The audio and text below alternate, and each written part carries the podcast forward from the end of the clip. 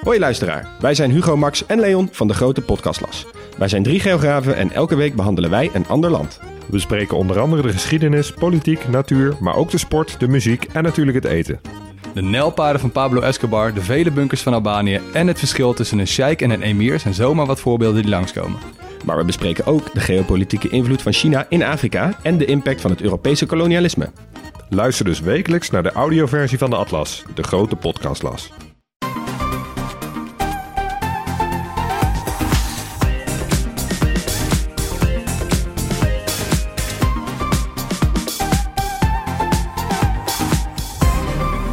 Verspreid over heel Nederland. Welkom bij de Bright Podcast van woensdag 3 november. Ik ben Harm en aangeschoven zijn vandaag Tony, Yo. Floris Hi. en Marijn. Hi. Ja, we zitten weer verspreid door heel Nederland. Dus Jezus. Ja. Na, dacht je, na vorige week dacht je, nou, dat is lekker. We beginnen weer lekker met z'n allen in, eh, in de podcaststudio. Dit gaat één groot feest worden. Alles gaat weer soepel. Maar Ja. nee, eh, de vid, hè? Ja, Ja. we hebben twee stagiairs met corona thuis zitten. Ja. Dus nu zitten Ja, we allemaal thuis. Ja, dus wij wilden wel komen, maar het mocht niet. Want dat Nee, is op zich ook wel verstandig. We doen eh, voorzichtig bij RTL. Heel goed, heel goed. Ehm, nou ja, laten we het vandaag hebben over storingen. Want de laatste tijd hebben we er weer nogal wat last van bij, eh, bij telecom en bij banken. Ehm, eh, verder gaan we het hebben over eh, de nieuwe MacBook Pro. En we gaan het hebben over energiebesparen. Ja, laten we eerst maar even beginnen met die storingen. Want ehm, bij Vodafone was het afgelopen weken drie keer urenlang bal. Klanten konden niet bellen, niet mobiel internetten en ja, eh, alle hinderlijke gevolgen van dien eh, die daarbij horen. En toch krijgen klanten geen compensatie. En Tony, jij, jij bent not amused. Eh, Onze ombudsman, Tony. Nee, ne- even vooraf. Ik ben zelf geen eh, mobiele klant bij Vodafone. Dus daar gaat het niet om. Maar Nou, maar Ja, je bent ik- wel boos. ik vond het eh, echt heel opvallend dat Vodafone eh, drie keer een grote storing had. Eh, Ja. Met drie keer ook volgens het bedrijf zelf een andere oorzaak. Ja, dat is heel belangrijk dat ze dat erbij eh, zeggen. Eh, daar gaan we het straks nog over hebben. De eerste keer ging het om een beschadigde database. De tweede keer om een menselijke fout. Mhm. En de derde keer was het een complex verbindingsprobleem tussen datacenters. ja, wat wil je allemaal nog nou? meer verzinnen? Het is net een, eh, een scholier die elke keer met een andere smoes eh, op, eh, te laat komt eh, in de klas. Ik verheug Ja. me alweer op eh, storing 4 eigenlijk. Gewoon Ja. de smoes te horen. Ja, we kunnen een keer een bingo, een sm- een smoesjesstoring, een bingo kaart maken. Nee, het zal ongetwijfeld allemaal wel zo zijn hoor. Eh, daar gaat het niet om. Maar Hmm. uiteindelijk is het natuurlijk wel erg veel hinder voor Vodafone klanten. Ja, Eh, allemaal in korte tijd. En eh, die hebben dan uiteindelijk eh, geen enkel recht op compensatie. Dus niet in geld, maar ook niet in extra andere dingen die een provider kan aanbieden. Want daarvoor Mhm. moet een storing meer dan 12 uur duren volgens de telecommunicatiewet. 12 uur. En, en waar, maar waar komt dat, dat aantal uur vandaan? Ja, dat is in, eh, in 2017 zo in de wet eh, gezet. Eh, ja, dat is zo door de, door, de, door de politici zo bedacht. Ehm, dat de compensatie voor storingen voor eh, radio, tv, internet en telefonie... Ja, d- dat daar een termijn geldt van 12 uur en dan pas heb je recht op een eh, vergoeding. Wat die vergoeding is, eh, dat zullen we straks even nog vertellen. Maar als die korter is dan 12 uur, ja, dan krijg je niks. Eh, maar in de praktijk komt het bijna nooit voor, en zelfs niet, zeker niet op landelijke schaal, dat er een netwerkstoring is die zo lang duurt. Dat is echt sporadisch. Eh, op zich geldt die compensatie natuurlijk ook als het lokaal een probleem is. Dat komt nog wel eens voor, maar ook bijna nooit zo lang. Ehm, en het is wel heel erg vervelend. Ik bedoel, de, de- je kan zeggen van... Hè, hoe erg is het nou dat je even geen mobiel bereik hebt? Nou ja, eh, als je moet inloggen ergens... eh, of het nou in je crypto wallet is... of bij eh, welke dienst je ook twee-factor authentificatie hebt ingesteld... je kent het wel. Sommige mensen die hebben daar echt een sms-code voor nodig... die je krijgt Ja. toegestuurd. Nou ja, als er geen mobiel bereik is... Ja, eh, dat is heel erg vervelend natuurlijk. Daar kan je zelf Ja, allerlei dat scenario's bedenken. sms natuurlijk. Als Ja. het een sms'je is, dan is het inderdaad uh, ben je wel sjaak, ja. Ja, maar ja, een hele hoop mensen hebben dat wel zo ingesteld. Daar kan ik ook niks aan Mhm. doen, dat is zo. En dat is heel naar. En eh, in dit geval bij Vodafone zag je ook in al die gevallen... dat er ineens allerlei instanties ook niet of nauwelijks bereikbaar eh, waren. En dan heb ik, heb ik het over rechtbanken, gemeenten, GGD in notabene... en zelfs meerdere ziekenhuizen. Ja, heftig hoor. Ja, dat is wel heel erg merkwaardig. Ja, het is- ligt ook allemaal op één hoop. Hè? Want ik snap best dat ze zeggen van bij tv en radio kan je best eh 12 uur. Ja, daar wil ik nog wel aan mee. Dat is gewoon, weet je, Ja. een, een, een vermaak en zo. Maar je telefoon en internet zijn best wel cruciaal. Zeker nu we allemaal steeds weer over het land verspreid zitten. Hm. Je bent gewoon, ja, als het, als het acht uur duurt, ben je een hele werkdag gewoon niet, eh, niet bereikbaar. Ik snap eigenlijk ook niet dat er niet een soort van afspraak is. Misschien is die er wel, hoor, Tony, dat jij dat weet. Maar een afspraak tussen providers, dat ze elkaar netwerken overnemen of zo bij grote storingen. Nee, is Ja? er niet. Nee, ja, dat is wel een leuk idee. Ja, Ja. Dat toch prima? Even roamen op KPN of eh en Ja, dan wie weet, maar, eh, nee. of zoiets. Nee, dat, dat- ja, het zal wel heel. Volgens mij is het een heel eh, mooi idee, wat zeer, zeer complex en lastig is om uit te voeren. Maar goed. Dus in het buitenland mag het wel, ja. In het buitenland heb ik als T-Mobile klant, eh, in Spanje zit ik, eh, in Spanje heb ik bij drie, eh, drie lokale providers gezeten. Precies. Net Ja. waar de bereik was. Dus het kan. Ja, kan maar zo goed. eh, hè, d- dit is best wel volgens mij ingewikkeld om daar politiek iets mee te doen. Eh, ze hebben nu Ja. wel eh, bij- rond compensaties hebben ze ook uitzonderingen gemaakt voor providers. Ja, precies. hè? Dat, dat, dat was, was ik wel nieuw naar. Want jij zegt nu 12 uur en meer. Maar zijn er ook eh, dan inderdaad een soort van kleine lettertjes waar ze zich achter kunnen verschuilen? eh, of in ieder geval iets Ja. waardoor er geen recht is? Ja, ik ik zal zelf- ook te denken van eh, als er ergens wordt eh, graafwerkzaamheden zijn, want dat, dat is aan de lopende band zo hè, met de aanleg van glasvezel, dan valt er misschien ook van alles uit. En dat kan wel eens langer dan een halve dag duren. Maar in Ja. dat soort gevallen moeten providers gewoon dokken. Als het door graafwerkzaamheden komt. Eh, ze hoeven alleen geen compensatie te betalen als de storing het gevolg is van een overstroming, een terroristische aanslag of oorlog. Oké. Nou, dat zijn van die mooie zinnetjes in de wet, hè, waarvan je denkt, ach ja, Ja. dat eh, gaat toch nooit gebeuren. Alleen, ja, overstromingen, dat gaat dus wel gebeuren. Ja, ja, ja. ja, en dan hoeven ze dus niet te betalen. in Limburg, ja. Weet je. Hey, en eh, je zei net al even, eh, die compensatie. Wat, wat voor compensatie zou je dan, zeg maar, wettelijk gezien recht op hebben? Ja, het, het gaat ook om echt heel kleine bedragen. Dus een dertigste deel van het maatbedrag per dag. en daar, daar geldt de eerste dag is dan eh, die storing vanaf 12 uur tot 24 uur. Dat is dan dag 1. Nou ja, Ja. weet je, ik, ik kan het ook allemaal wel uitrekenen met voorbeelden. Maar het komt toch niet eh, neer op meer dan een, paar, een paar cent bijna. Maar 1 of 2 euro als het een hele lange storing is. Hm. En dat vind ik eigenlijk niet kloppen. Zo'n klein bedrag, eh, dat staat niet in verhouding ten opzichte van de stress die je als klant kan ervaren. Al het gedoe en problemen die het zou kunnen opleveren. Ja. Ik vind dan 1 euro vind ik niet veel. En dan snap ik wel, ja, maar het is maar één dag van de 30. Nee, ja, daar zou het niet over moeten gaan. Nee. Ja, het kan ook 300 euro omzet zijn die je misloopt. Ja, of, Ja, precies, ja. precies. Ja. Als die- met, met die schommelingen van de crypto eh, kan het allemaal... ja, of als je een webwinkel hebt of wat dan ook. Ja, Ja, precies, nee, maar ja. dat is het inderdaad. Je, loopt, je, loopt, je, bent, je bent gewoon offline. Nou ja, ga maar na. Als je een marktkraam eh, hebt en je hebt zo'n eh, zo'n mobiel betaalsysteem... Oh ja. en dat is dan gekoppeld misschien aan je, aan je Vodafone-abonnement. Ik weet niet of dat kan, maar als dat het geval is... Ja, via dan, je ben je, mobieltje. dan ben je wel de Ja. lul. Ja. Ja. en het is ook niet zo dat je het automatisch überhaupt gestort krijgt. Hè. In, de, in de schaarse gevallen dat er recht was op compensatie voor een netwerkstoring, moesten consumenten vaak nog een heel formulier invullen. En die denken dan, op zich niet heel veel werk, maar dan denk je, ja, voor die 1 euro, laat het lekker zitten. Ja. Zou Maar oké, dit, klinkt, dit klinkt dus allemaal als eh, iets wat we, eh druk me netjes uit, onhandig vinden. Eh, kunnen we niet gewoon die wet laten aanpassen?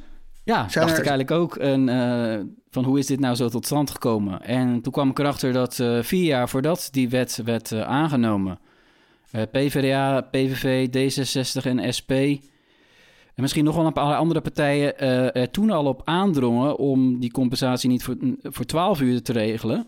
Hè? Dus Ja. dat, die, dat dat de limiet zou zijn, maar al vanaf 4 uur storing.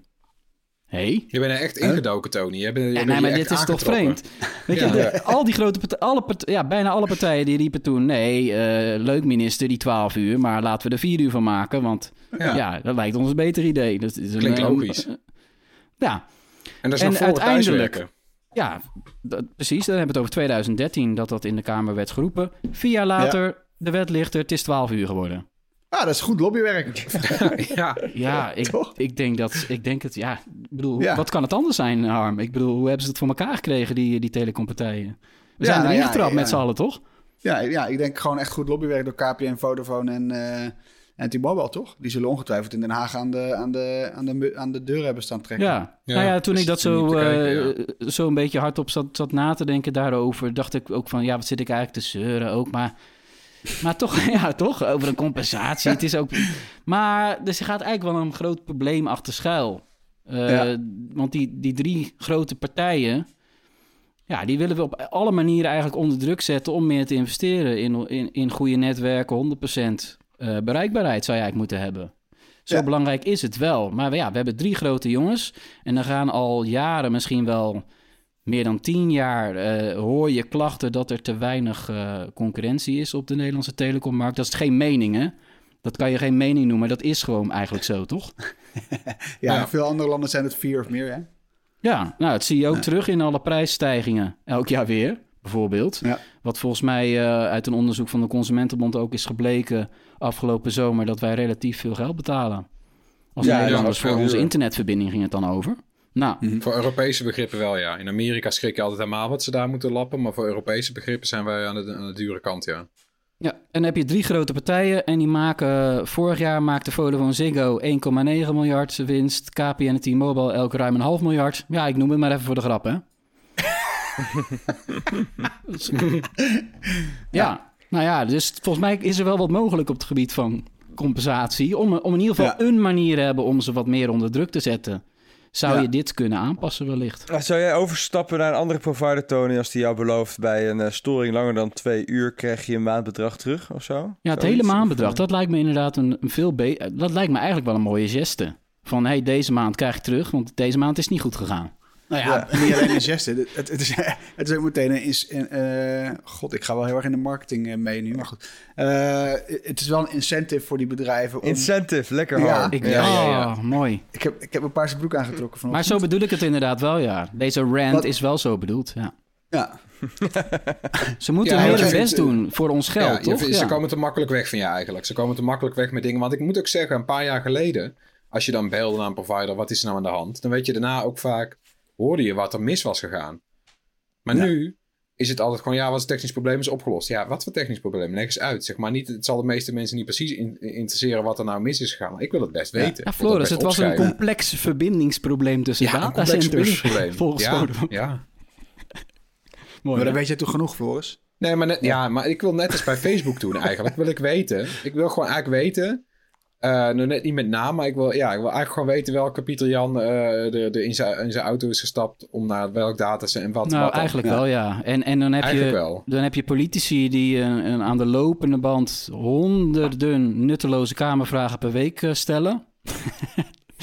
nou ja, misschien moeten ze hier toch eens een keer, nog eens een keer naar Ja. kijken. Ook naar hun eigen fouten, hoe dit tot stand is gekomen. Want bij de stroomstoringen Ja, geldt dat? namelijk wel een, eh, een termijn van vier uur.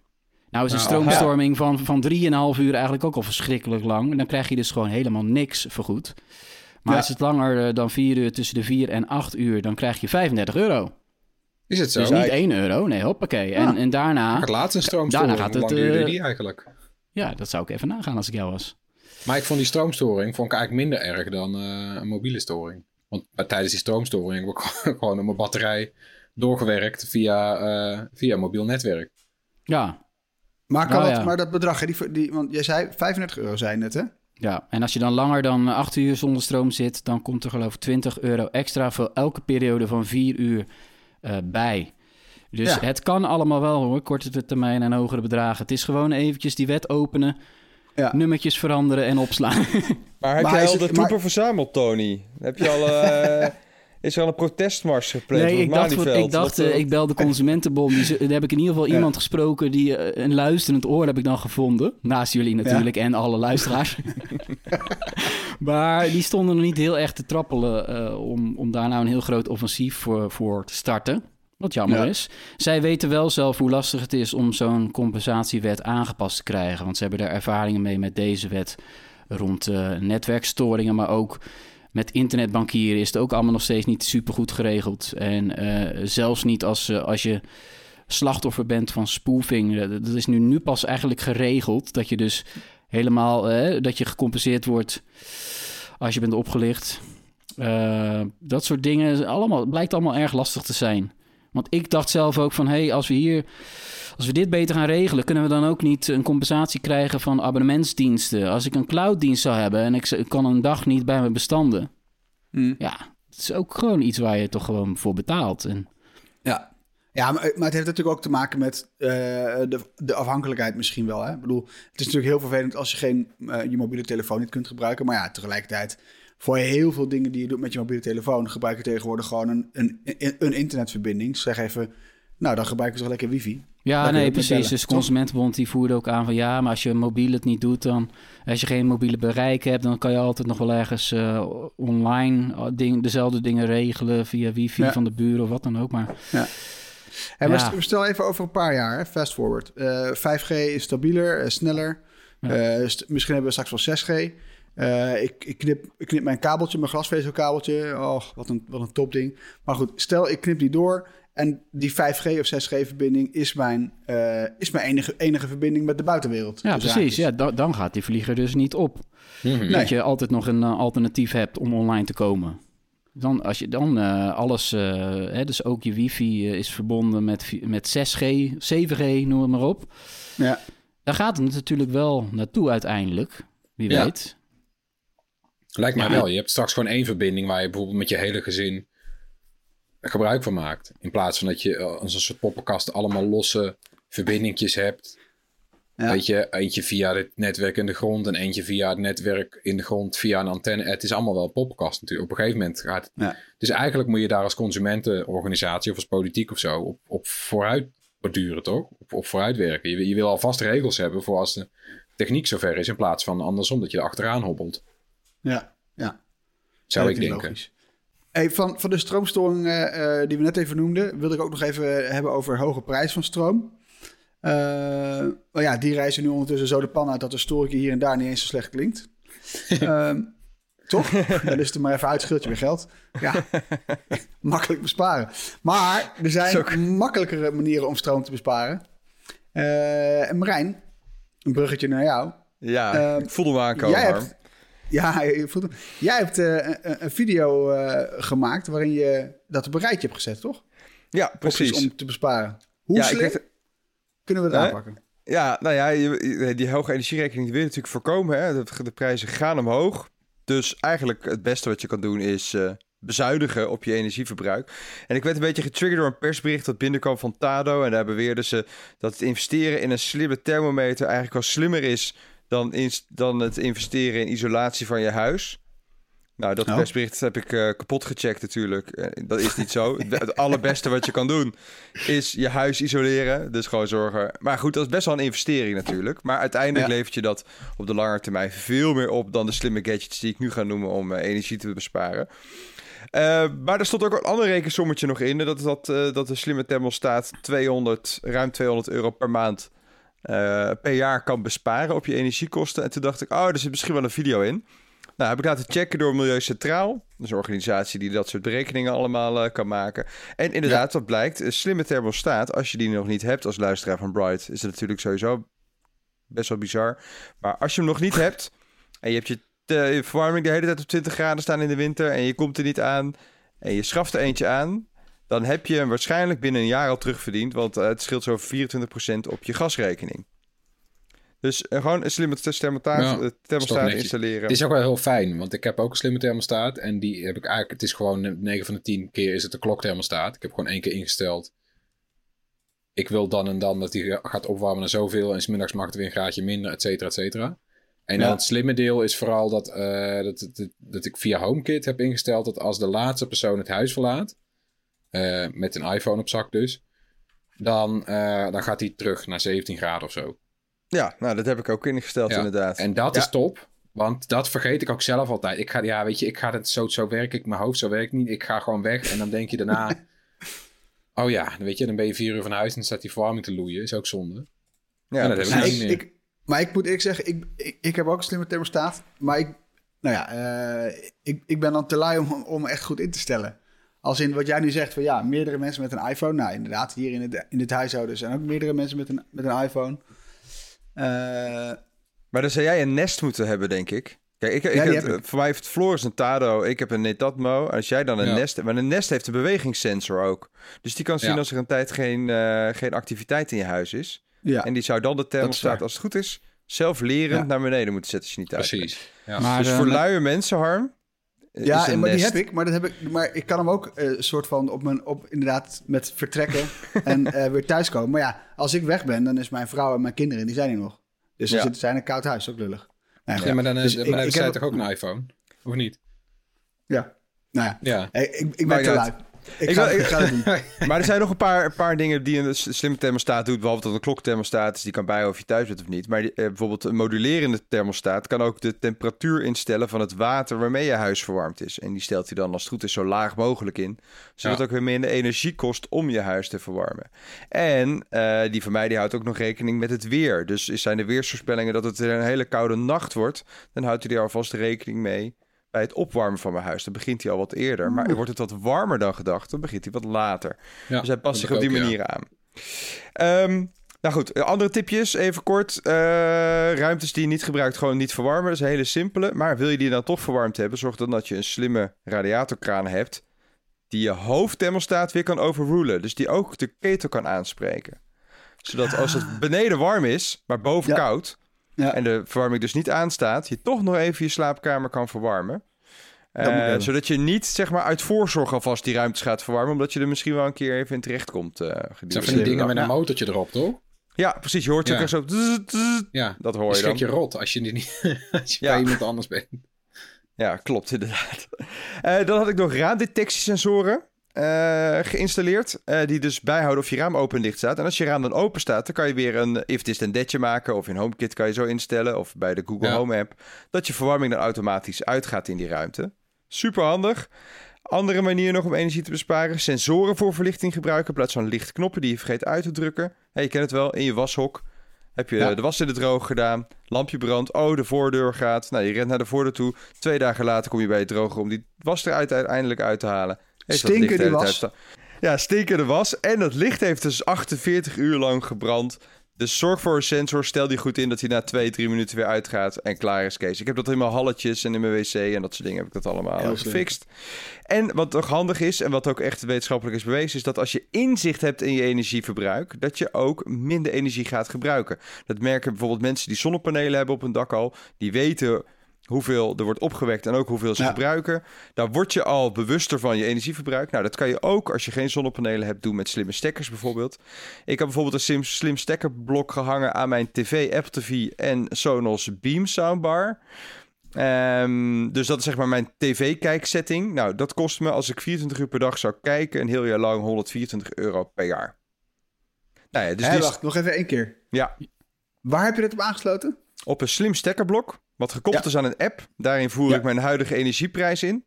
En dan berekent die app hoeveel het kost om die apparaten per jaar te gebruiken. Ook als ze niet aanstaan. Eh, als ze aanstaan. Ja, maar je kan het ook weer koppelen aan je niet 24 uur HomeKit. je tv aanstaan. Nee, precies. Nee, maar ik heb, ik, ik heb dat stekkerblok nu net een week, twee weken. Maar over een maand weet hij hoeveel ik mijn tv gemiddeld per maand aan heb. Nou, en dan krijg je een redelijke indicatie wat dat per jaar gaat kosten. Mag Plus- ik een domme vraag stellen? Ja, Nee, wacht. Maak eerst af wat je Ja, ik maak er nog één zin af. Plus je kan het ook weer koppelen aan je, bijvoorbeeld je, je smart home, je HomeKit eh, app. En dan kan je dus ook weer, als je van huis gaat, gaat je tv uit, gaat je Apple TV uit, gaat je soundbar uit. Compleet van Maar- de standby modus. Is dit, is dit ook de oplossing voor eh, het passieve stroomgebruik van apparaten? Eh, ja, deels wel. Natuurlijk gebruikt dat stekkerblok dan ook weer stroom, want die is verbonden met wifi. Eh, maar hij kan zeg maar, eh, die, die, ik viel mij op dat die Sonos soundbar 7 watt gebruikt nog in eh standby modus. Dat is best veel. Ja. Nou ja, dat, dat, nee, dat, dat compenseert hij wel, zeg maar. Ja, precies. Want ik heb hier, even kijken, 1, 2, 3 Sonos speakers staan. Dan heb ik nog een, Ja. Nou ja, en zo, zo kun je, maar, maar zo kun je een heel eind gaan. Zeker als je het ook nog koppelt aan eh, opladers die je overal in stekkerblok hebt zitten. Dat, dat kan best wel een mooi optelsommetje zijn, toch? Heb je, Zeker. haal je dat er makkelijk uit? Opladers trekken niks als het goed is. Ja, heel weinig. Heel weinig, Als, het, ja, eh, precies. als, je, als je er niks aan hebt hangen, dan is de stroomcirkel in principe niet rond. En dan, nou ja, Ja, dan maar is en, inderdaad te- het en bedrag. tv's, die, tv's die op standby staan, eh, je hebt een heleboel van dat soort apparaten, toch? Die Ja. stiekem toch stroom verbruiken. Ja, maar Uh, als het goed is, is dat, dat, zeg maar, dat passieve gebruik valt op zich ontzettend mee. Het gaat om een paar euro per jaar. Ja, het is, Het dus vooral het aan inzicht. laten staan terwijl je er niet naar kijkt van de tv Precies. bijvoorbeeld. Waar je misschien eens over na moet denken. Dat Heel veel mensen die gewoon de tv aanzetten op de achtergrond of zo. Oké, maar co- conclusie, eh Marijn, is eigenlijk it pays off, toch? Nou, dat, nou ja, je kan inderdaad wel echt met het eh, slimme thermostaat kan je dus echt wel 200 euro per jaar besparen als je een lui eh, thermostaatman bent. Eh, die radiatorkraantjes die leveren een paar tientjes op volgens Milieucentraal. En de, Ja. de rest, ja dat, is een, ja, dat zal eurowerk zijn. Maar toch, een goed gevoel. Lekker. Nog één ding voor de oplettende luisteraar. Je Apple TV aansluiten op een stekkerblok dat niet dat uitgaat, is niet handig. Want dan kan je nooit meer je huis besturen vanuit buiten. Dat wil ik even gezegd hebben. Ja, Ah, dat is waar. punt. Ja, dat is de hub. Dat is je hub. Ja. In het hoorspel hebben we uiteraard iedere week dat eh, fantastische techgeluid. We gaan eerst nog even naar het geluid van vorige week. Komt-ie. Eh, dit geluid is ook dit keer niet geraden, toch Floris? Nee, het is een nieuw geluid, maar de- toch wist niemand het. Is het, dan, is het dan tijd voor een hint of laten we, hem even, laten we de mensen nog een beetje zwemmen? Ja, een, een hintje. Hintje. Nee, oké. Kom En die luidt jazz. Jazz? Jazz? Als je maakt het alleen maar moeilijker voor mij om dit geluid te raden. Ja, misschien wel. Een genre van jazz. Dat Zeg dat nog eens zo. eh, je bent net zo'n presentator van een... eh, Ja. Het doet me denken aan een, aan een comedy sketch van de BBC van lang geleden over de Jazz Club. Nice. Jazz. Nou, die moet je even googlen. Dat is e- echt, echt heel goed om te kijken op YouTube. Jazz. Oké, nog één keer het geluid. Nou, mocht je nou in combinatie met de tip jazz weten wat... Weten Floris wat dat nou doen, Harm. Ja, ik kan het niet. Als je nou denkt dat je weet wat het is in combinatie met de term, Jazz. stuur dan je antwoord naar podcast.bright.nl onder de mensen die het juiste antwoord eh, insturen. Ja, dan gaan we natuurlijk weer loten. Eh, onze, onze stemmenman Floris, die eh, gaat dan loten in zijn hoge hoed en dan komt er een winnaar uit. Nou, en die krijgt dan zo'n fantastisch Bright t-shirt. Dat is echt één groot feest. Het volgende blokje. Ja, ik, het staat hier gewoon. Ja, ik moet nou weer heel erg letten op zo'n draaiboek nu op afstand zit. God, man, het is professioneel allemaal dit. Maar dit gaat hartstikke goed. Ehm, het volgende blokje gaat over de MacBook. Want we hebben dus inderdaad zo'n nieuwe MacBook eh, Pro. Nou, dat is allemaal fantastisch. Een, eh, een snellere MacBook. eh, het beeld is natuurlijk fantastisch. Wat klinkt je enthousiast, Harm? Hij, ja, hij is wat sneller. Dat was een beetje zoals wij het vanochtend al even bespraken. En toen zei ik tegen jou van ja, Marijn, ik wil eigenlijk gewoon iets weten over deze MacBook wat ik niet weet. Want, en het is meteen heel cynisch. Hè? Dit, dit- nu ben ik meteen weer de hele zure, cynische man van die, van die Bright podcast die ook bij Z wel wat dingen doet. Maar ik wil ja, eh, maar dat, zo wil ik niet zijn. Dus Marijn, Wat wil je dat ons ik vertel, vertellen? Harm? vertel me eens iets wat ik niet weet, wat deze MacBook nou zo goed maakt. Ja, dat, dat, dat is lastig. Want, eh, want wij hadden een vrij laat, de MacBook Pro. Want de grote landen gingen voor en Amerika ging ook voor. Dus wij kregen onze review unit, de 14-inch MacBook Pro met M1 Pro chip. Eh, wat later. Inmiddels heb ik de video opgenomen. Die is in montage en verschijnt eh, later deze week op ons kanaal. Ja. Eh, en ik heb natuurlijk eerst al die andere reviews zitten kijken. terwijl ik die MacBook Pro aan het testen was. En, en ik liet ook onze editor Luc de MacBook Pro testen. Want die, nou, voor hem is eigenlijk die machine gemaakt natuurlijk. Iemand die continu video's aan het maken is. Ja. En toen dacht ik, ja, wat kan ik nou nog toevoegen aan al die reviews die al gemaakt zijn? Want die zijn nou, voor mij over het algemeen allemaal lovend. Dit is een beest van een machine. Als je deze koopt, zit je de komende jaren echt goed. Je kan echt gekke dingen met dat ding doen. Een paar 8K-streams tegelijkertijd. 4K-streams in 3D-animaties tegelijkertijd laten zien. Ja, ik had zich echt niet bedenken of het kan ervan. Eh kan ermee. Maar er was één ding wat ik nog niet had gezien bij die andere reviews. En dat was dat de mini-jack nu aan de linkerkant zit. En dan ook aan de voorkant. Hè? Hij Ja. zit nu rechtsachter, toch? Hij zit nu rechtsachter, maar dat is eigenlijk Ja. onhandig. Want bijna elk koptelefoonmerk doet het draadje, wat pro's altijd gebruiken. En die gebruiken geen Ja. Bluetooth. eh, aan de linker oorschelp. En eh dan had je altijd het draadje dus dwars over je schoot heen. Ja. Naar die mini-jack die achterin zat, achter je Ik USB-C-kabeltjes. vind, dit wel, dit, ik vind dit wel goed hoor. Oh ja, verdomd. Ja. Ik zit te kijken naar mijn eigen setting. Ja. dat klopt. Ja, ik heb dat ook en wel nu vaak. Dan zit ligt hij hij- over je nu- handen ja. heen. Of, eh, ja. Precies. En nu zit hij dus links en vooraan. Dus hij zit niet bij die, ka- die kabels zitten niet meer in de weg. Ik vind dit top. Dit, is, dit, dit is, eh, had ik niet ergens anders gezien nog. Ja, misschien heb ik, ik heb wel vast een review over het hoofd gezien. Maar dat vond ik eh, wel heel erg. eh, nou ja, dat was ik. Nou ja, goed, dat was ik. Ja. Dat is Hey, niet de reden mag- dat je deze machine koopt. Maar Nee. als je iets wilde horen wat je nog niet had gehoord, dit was er eentje, denk ik. Hey, maar wa- waar ik nou benieuwd naar ben, want jij zegt hè, we moesten iets langer wachten.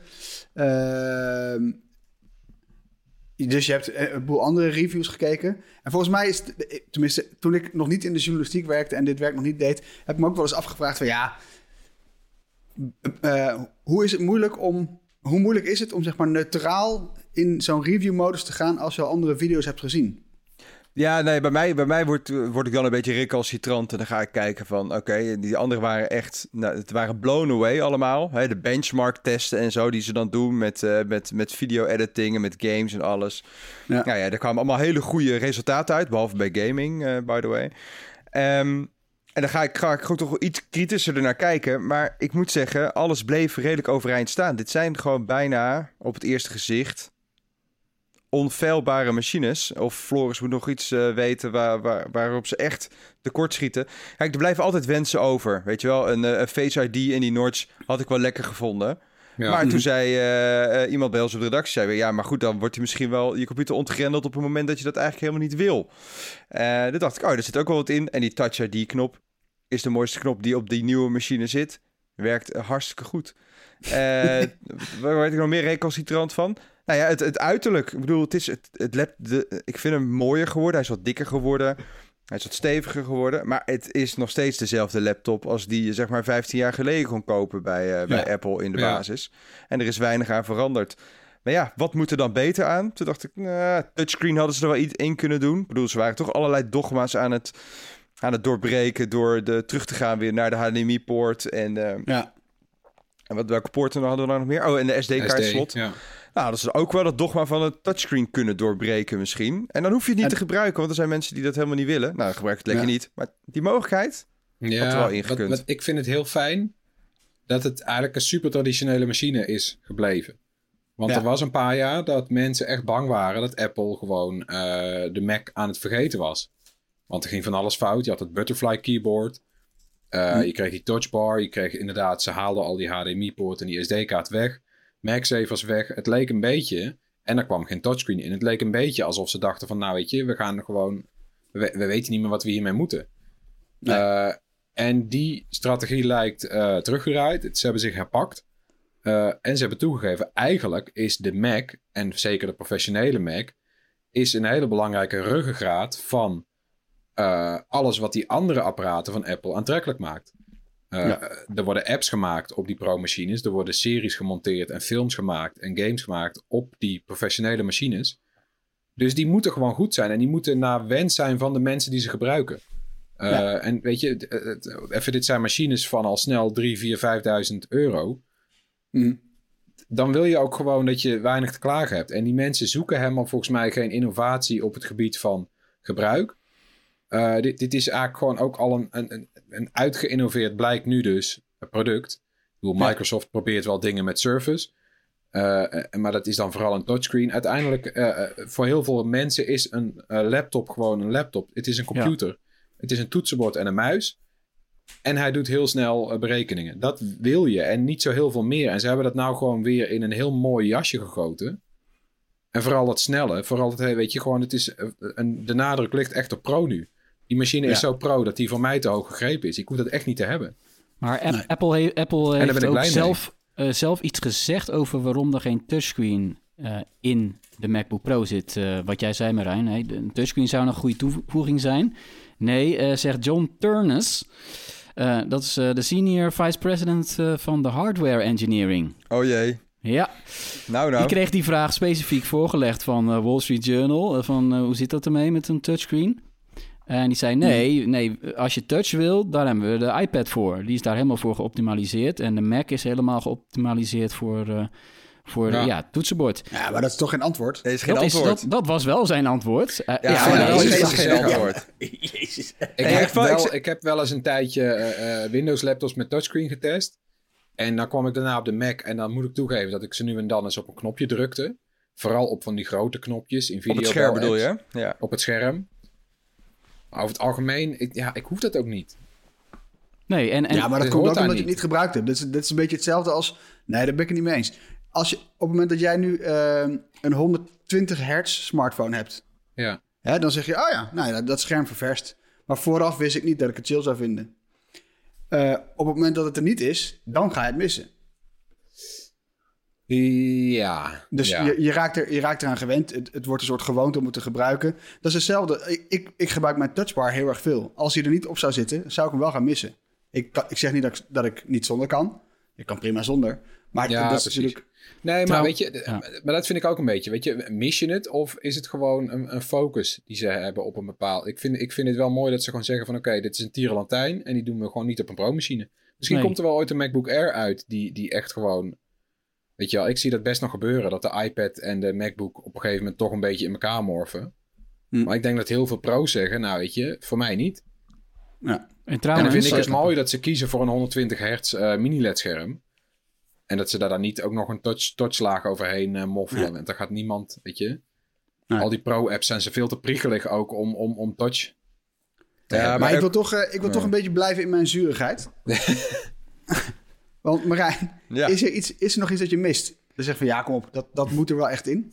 Of, of blijft het dan bij Face ID en touchscreen? Het blijft, het blijft wel bij die twee dingen eigenlijk. En Ja. eh, de, de touchbar heb ik ook nog aan zitten denken, want daar werk ik nu ook al jaren mee natuurlijk. Ga ik die missen? Nee. En ik was heel erg blij. En mensen met een MacBook Air, die kennen die knoppen al. Maar ik ben was wel heel erg blij met de dicteerknop bijvoorbeeld. De wie? Eh, de, de dicteerknop, die er nu dan bovenaan zit. Eh, ik gebruik het op mijn, iP- op mijn telefoon heel veel. Dicteren, dan kan je gewoon eh, even een berichtje inspreken, Ja. zeg maar. Maar dat wordt dan tekst. Ja, dat werkt, werkt op die MacBook werkte dat ook eh, heel lekker. Dat je gewoon een knop hebt, bam. En dan zeg je, eh, in Slack kan ik dan even jou snel een antwoordje sturen, ja, Harm. Zonder dat je ik hoef te typen. Maar die was Had ik die al? verstopt. Was Ah, twee, ik keer heb nooit- twee keer op function drukken. Twee Ik keer heb voor hem helemaal links in de hoek. Als je drie, twee keer op de Oh, ja. knop links in de hoek, Oké, ik ga dus- accepteren. Hij dat ook doen. Bij mij doet het niet. nou, ja, Nee, ik kan nog wel iets bedenken. eh, maar Marijn, we kunnen nog wel iets bedenken wat, verschijnen. wat veel beter kan bij de MacBook Pro is eh, eh, de prijzen. Voor als je bijvoorbeeld iets meer eh, RAM wil. Ja. Zo, wat is het duur hè? Ja, Ja, Echt bizar. Ja, dat blijft altijd. Die upgrades zijn echt wel bizar duur. Maar over die upgrades gesproken, eh, wij hebben ook nog aan Apple gevraagd van. Want er zijn nu dus twee, of ja, er zijn drie varianten. Eh, eh, de twee, je hebt de M1 Pro en de M1 Max. En dan die Pro heb je met 8 cores en 10 cores. En dat is gewoon eigenlijk, eh, ja, dat is altijd zo toch? Chip binning noemen ze dat volgens mij. Hm. Dus dan heb je gewoon de, de, de 8-core versie is gewoon een, een, een deels mislukte 10-core versie. Met twee uitgevallen cores. Dat een beetje. en, en nou, dan is de vraag voor wie is die max versie? En Apple eh, had, had daar niet een super duidelijk antwoord op. nee. Eh, die is gewoon, ja, zeg maar gewoon. Die, want die Pro is al zo idioot goed. eh, Dat die max eigenlijk voor mensen is die zeggen van, nou ja, ik wil gewoon beter. Gewoon om daarom. Om, om ik wil het allerbeste voor of- mezelf. Daarom, wil ik, daarom koop ik de max. daarom. Dat is eigenlijk ja, de precies. Ja. En, en, want ze hadden wel een heel duidelijk eh, onderscheid van eh, voor wie is dan de M1 en voor wie is de, de M1 Pro. Namelijk de M1 is eigenlijk voor iedereen. Eh, eh, ook, ook mensen die bijvoorbeeld e- eens in de week een videootje monteren, eens in de week een podcast doen. Dus voor mensen zoals mij, zoals ik, eh, is, is dat een goede laptop. En wanneer neem je zo'n Pro-chip? Als je de hele tijd eh, dingen monteert. Als je de hele tijd dingen rendert, de hele tijd hele zware dingen doet. Eh, als je Ja. merkt dat bij je M1 de ventilator voortdurend aanslaat, dan, dan moet je eens overwegen om zo'n Pro-chip te nemen. En anders niet eens echt. Oké. Nou, top. Duidelijk advies van Floris. Ja. Gaan we dat eh, overnemen? hey, Maar- nog... ja? Ja, ja, je wordt er wel hebberig van hoor, trouwens, van zo'n machine. Dus je kan hem niet nodig hebben. Maar dan snap ik nog steeds wel dat je hem wel wil hebben. ja, maar dat. Ja. Ja, ja. Ja, dat is ook logisch. Check. Ja. Hey, eh, waar ik het nog wel even over wil hebben. Metaverse. Eh, het grote plan van onze grote vriend Mark Zuckerberg. Eh, Ja. Bijna een weekje geleden alweer eh, heeft Facebook zijn naam veranderd van het moederbedrijf. Hè? Het ging van Facebook, werd het in één keer Meta. Ehm, nou ja, en die, hè, de, de plannen zijn, we gaan groots inzetten op de metaverse. Eh, en ik denk, ja, we gaan het er nog wel heel erg vaak over hebben. Dus ik wil toch nog eventjes terugblikken. Ja, ik vond het vooral leuk dat iedereen meteen het grote publiek leek te denken dat Facebook Meta zou gaan heten. Wat ook zo is. Maar niet echt, want mensen da- dachten, ja, het sociale netwerk gaat Meta heten. Ja. Ja. Maar zo is het niet. Maar heel veel mensen dachten dat. Eh, wat gaat dan wel Meta heten? Het moederbedrijf. Ja. Want Ja. je hebt Ja. Facebook, gewoon Facebook het bedrijf. En Facebook het bedrijf heeft in de loop der jaren van alles opgeslokt. Zoals Instagram en WhatsApp. En dat zijn nu Facebook dochterbedrijven. Ja. Eh, maar ja, er kleeft zoveel vuil aan Facebook dat zij ook denken. En, en ze hebben nu dus deze nieuwe toekomstvisie. Zij zeggen het gaat om toekomstvisie. Hoe dan ook. Ja. Eh, het moederbedrijf heet nu Meta. Zoals het moederbedrijf van Google Alphabet heet. Ja. Eh, om ook te illustreren, wij doen een veelheid van dingen en wij zijn meer dan Facebook alleen. Dus in die zin snap ik het. Maar Ja, Facebook, maar het gaat, Facebook, Facebook blijft gewoon Facebook. Ja, maar, het- maar toch gaat, gaat die naamswijziging gaat wel verder dan wat Google heeft gedaan met Alphabet, toch? Want Ja. eh, Meta gaat zich volledig, of het bedrijf niet volledig, het bedrijf gaat zich een heel groot gedeelte echt mikken op, eh, Ja. op eh, de metaverse. Het is in eh, een pivot, zoals de Paarse dat dan noemen, ja. Het is, Ja. en, en de mooiste omschrijving die ik zag van deze naamsverandering... ja. Het is een statement of intent. Weet je wel, een, een, een lange termijn visie. Ze zeggen door onze naam te veranderen en echt te koppelen aan dat metaverse. Eh, Nou ja, hebben wij, hebben wij een ander doel eh, voor ogen dan dat we de, gaan we een andere koers varen dan we de afgelopen jaren hebben gedaan. Ja, Ja. Dus, dus het kan ook niet mislukken dit, hè? De metaverse moet er wel zijn over een jaartje of tien. Ja, Ja, dat is wel waar hij op inzet. En, en tegelijkertijd is het niet iets waar Facebook eens er eentje aan werkt, toch? Ik bedoel, eh, Microsoft is ermee bezig. Eh, de- de- er zijn he- heel veel bedrijven, of niet heel veel, maar er zijn wel eh, veel grote, grote bedrijven die daar eh, een visie op hebben en ermee bezig zijn. Ja. Eh, en tegelijkertijd, ja, waarom doet, waarom doet Facebook dit nou? Hè? Ja. Is het, ja, Nou ja, kijk, wat, wat natuurlijk het grote verschil is met het internet. Want eh, Zuckerberg ziet het echt als het volgende internet, toch? Een volgende stap die we gaan maken met z'n allen. ja, ja. is Ja, dat de opvolger van het mobiele internet. Precies, dat, hij de, dat hij de centrale regie neemt als bedrijf zijnde. En dat hij dat dus niet doet in een, in een alliantie met andere bedrijven. Of Hmm. eh, dat dat niet vanuit de hackers community eh, wordt opgebouwd of wat dan ook. Ja, dat is wel Eh, wat hij zegt, hè? Ja. En ik wat, wat is wat hij zegt? Nou ja, kijk, hij zegt wel, we doen dit met z'n allen. Ik, wij, Ja. Facebook, ja, het moet interoperabel zijn. Als in, eh, we moeten met z'n allen samenwerken aan dit platform. En Ja. eh, eh, het is niet het eigendom van Facebook. Nee, dat het zegt is hij inderdaad. Wat, Ja. het Maar voelt zo niet, hè? Nee, Nee, Google, nee, nee, precies, ja. Het is net als Google die zegt van nou, alles wat wij maken is open. eh, zolang Ja. wij maar bepalen wat het is. Ja, dit vind ik ook altijd een beetje... En Ja. dan merk je toch dat het in de praktijk dan allemaal eh, helemaal niet zo heel lekker samenwerkt. Ook al is het open. En weet wat je wel wat, interessant was... ja, weet je wat Ja, is. Harm, met Zuckerberg? Eh, hij kan dat ook zelf wel willen. Ja. En, het- en, en dat kan ook wel zijn droom zijn om het zo een keer goed te doen. Maar Mm. goed tussen aanhalingstekens.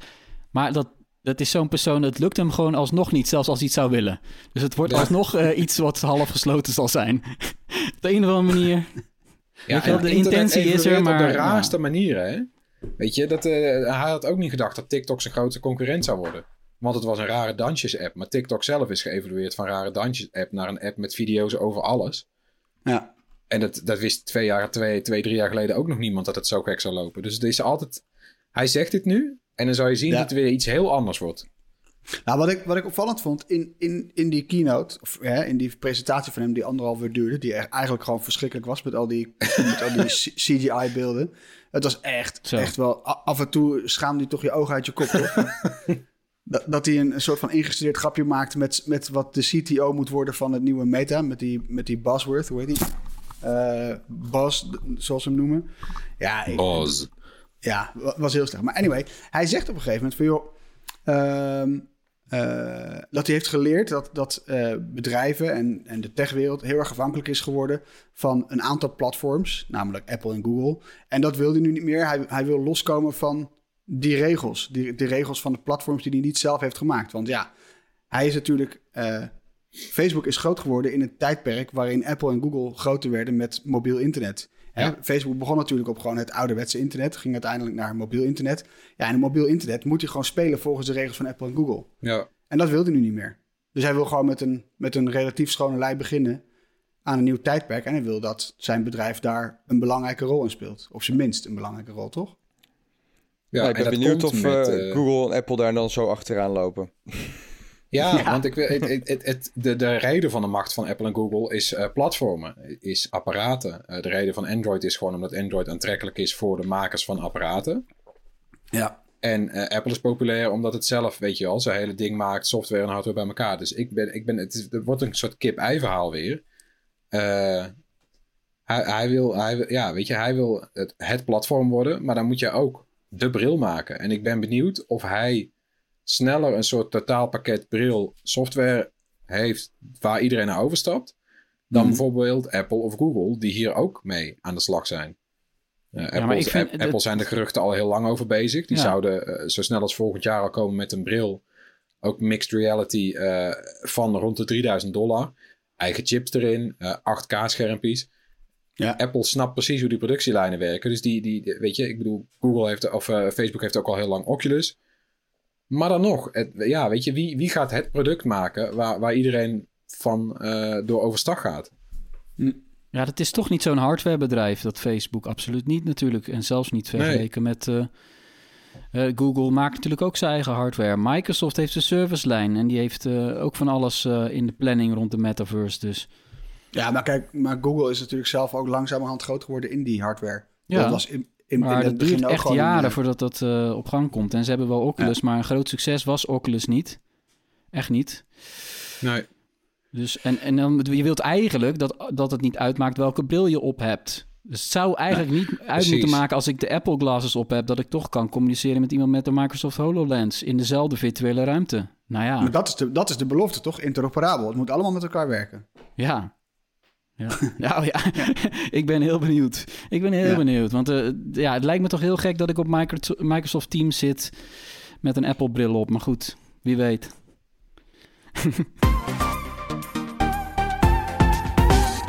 Ter afsluiting zijn we bij de tips aangekomen. Ehm, mocht je nou aan het eind denken, jeetje, wat waren dat veel tips zeg. Ik, ik heb helemaal geen zin om er allemaal nog een keer terug te luisteren. dat kan, kan ik me goed voorstellen. Ga je gewoon even naar bright.nl, kun je het allemaal terugvinden. Eh Marijn, Ja, jij mag hem aftrappen. Ja, lekker man. Een Midnight Mass. eh, een, een, een horrorserie. eh, waar ook voor mensen die niet van horror houden. Hij is een beetje een psychologische thriller horrorachtig. Heerlijke serie voor mensen die ook cultureel katholiek zijn opgevoed. Of misschien wel gewoon katholiek zijn opgevoed. Ja, met, een, met een jonge pastoor die op een eilandje terechtkomt voor de Amerikaanse kust. Met, waar natuurlijk allemaal mensen wonen in een heel klein dorpje.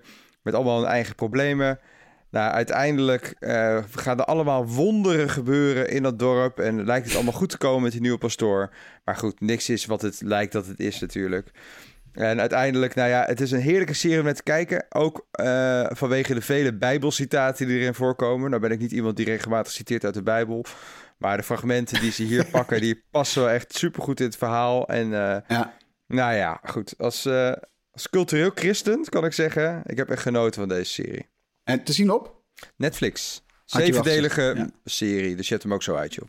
Ehm, wat je misschien niet zo uit hebt, is eh, mijn tip. Namelijk eh, het tech-dystopisch boek Het Alles, of The Every. The Every, moet ik zeggen.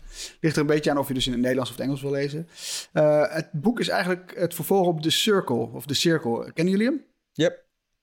Ja. Oké, nou, voor wie het niet eh, kent, hij is ook verfilmd. Er zit, eh, Emma Watson zit erin en Tom Hanks.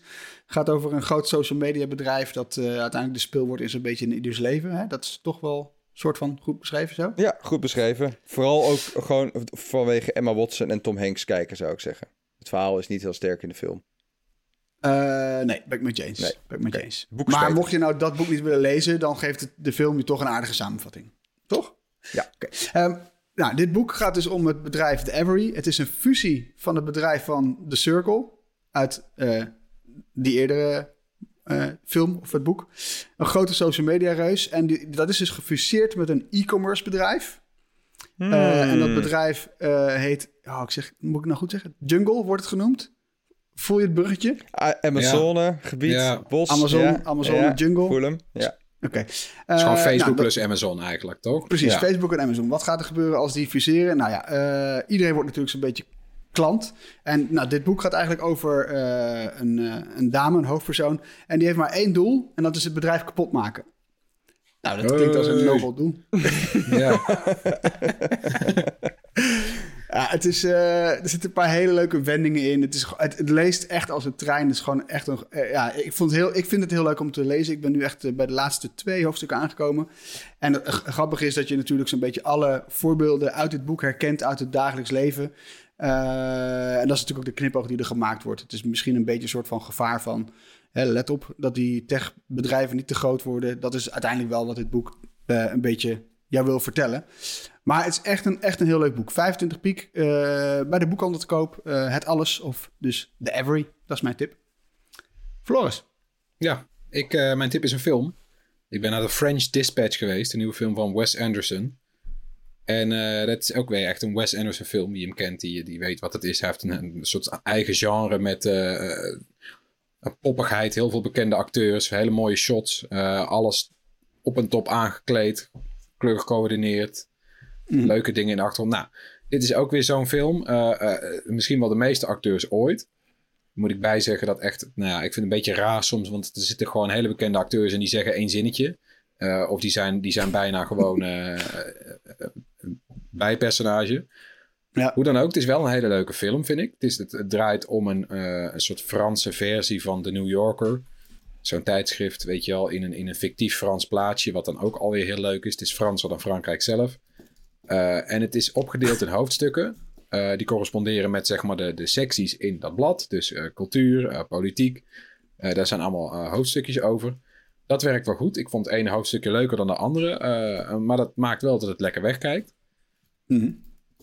Het is wel een, ja, het is, het is misschien wat ingewikkelder dan de, de, de normale film van hem. Omdat het natuurlijk geen overkoepelend eh, plot is met een begin en een eind. Maar je zit gewoon te kijken naar eigenlijk. Ik van één film en er is niks van. Maar het- wat dat betreft moest ik, eh, moest ik hem iets te langer laten bezinken. Maar ik vond het toch wel leuk volgens mij. Oh jee, The French Dispatch draait nu in, eh, in, in, in allerlei bioscopen, filmhuizen. Hartstikke leuk. Tony, wat heb jij eh, voor tips meegenomen, oude dibbes? Ja, een tipje die past bij het thema storingen. Ik dacht, waarom ook niet? Ja, het is toeval. Je blijft er een Eh, beetje in hangen, Tony. Ja, zeker. Leuk, hè? Activistisch hoor. Ja, ja. Ehm, je kan namelijk volgende week zelf een kijkje nemen bij waar die zwetende techneuten de storingen proberen te fixen. Namelijk, het is dan de Nationale Datacenterdag, komende dinsdag. 15 eh, datacenterbedrijven die openen de deuren voor het grote publiek. En normaal kom je in zo'n datacenter echt niet binnen hoor. Dat is echt zeer strenge beveiliging. Ja. Eh, dus dat is toch wel een unieke kans. Eh daar kan je je aanmelden en dan kan je gewoon een kijkje nemen bij een datacenter. Overal in het land gaan de deuren open van de datacenters. Ehm, Leuk. niet trouwens bij de allergrootste. De aller, allergrootste. Maar goed, daar ben ik zelf wel eens geweest. De Eh, het internetknooppunt eh, in Amsterdam, Watergraafsmeer. En het is toch ook wel eh, echt wel leuk om een keer gewoon te kijken hoor, bij zo'n datacenter. Hoe dat eruit ziet. Ja. En de achterkant van het internet te ervaren. Want uiteindelijk is het gewoon een fysieke machine die ergens staat. Die enorm warm wordt. En die kunnen stuk gaan. En dat kan dan leiden tot, je raadt het al, een storing. Ja, en Ehm, dan weet je in ieder geval zometeen waar dus al die, al die mensen met, heel veel stress naartoe Ja, rennen. om complexe wat er verbinding, misgaat. ja, proble- complexe problemen. ja, en dan heb ik nog een extra tipje. Dat is namelijk als je een opleiding doet voor eh, video editor, videomaker. Hm. Ja, dan is het eh, echt belangrijk om even te kijken eh, naar deze. Eh, namelijk, je kan je aanmelden als stagiair bij Bright om videostagiair te worden. Sowieso een goed idee. Want we zijn weer op zoek naar stagiairs en ehm, we zetten een linkje in de show notes. Daar kan je meer lezen over die stage. En wie weet ben jij wel degene die, eh, die Marijn eh, gaat filmen en die de film, eh, filmpjes gaat monteren volgend Ja, jaar. vertel even, want nou ben ik toch, dan ga ik doorvragen, want ik ben toch benieuwd. Wat maakt stage lopen bij Bright nou zo leuk? Nou ja, je mag echt, eh, als, je, als je stage loopt bij Bright, mag je echt alles doen wat je... Je bent geen stagiair, je bent eigenlijk een meewerkend iemand. Dus we kunnen ook niet echt zonder je. Eh, je gaat gewoon video's editen, je, eh, je filmt ze ook. Je pakt de presentator aan als die eh, zijn dag niet heeft. En je zorgt dat die blijft glimlachen op de camera, zodat de video's positief worden. En je loopt echt mee bij een, bij een groot bedrijf. Want Bright is dan wel een kleine redactie, maar we zijn onderdeel van de RTL Nieuwsgroep. En dat is weer onderdeel van RTL Nederland. Dus je krijgt ook wat mee van het rijlen en zeilen op Mediapark. En eh, nou, doe je een mbo-opleiding, een hbo-opleiding... of zelfs misschien een universitaire opleiding... waarbij je gewoon heel erg praktisch met eh, Adobe, Premiere en After Effects en Photoshop... eh, meld je vooral aan. Ja, unieke ervaring in alle opzichten. En samenwerken met Tony, dat is echt de perk die moet je in. En, eh, je trouwens, je krijgt een MacBook Pro eh, om op te werken natuurlijk. Van, eh, van de baas. Ja, ik kan geen M1 Pro beloven, Dat niet. maar een i9 wel. Nou, zijn we aangekomen bij het eind. Eh, ga dat eens even checken, meld je aan als stagiair. Bedankt voor het luisteren. Ehm, laat ook even iets van je horen als je dit allemaal hebt uitgeluisterd. Eh, mail ons op podcast.bright.nl. Je kunt ons natuurlijk ook opzoeken op YouTube, Facebook, Facebook. Eh, dat is het sociale netwerk van Meta. En die hebben ook Instagram. Eh, dan hebben we nog Twitter, TikTok en Discord. Maar dat is alweer van hele andere bedrijven. Maar dat is ook heel leuk. Hele, hele leuke sociale media. Eh, tot zover. Tot volgende week. Doei. Doei.